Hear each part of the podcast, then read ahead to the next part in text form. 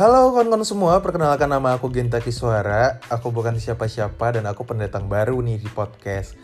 Pada podcast pertamaku ini, aku pengen memperkenalkan diri doang sih sebenarnya. Terus membawa visi dan misi apa aku juga belum tahu. Ini bakal jadi ruang yang baik ke depannya atau tidak, ya aku kembalikan kepada pendengar nantinya.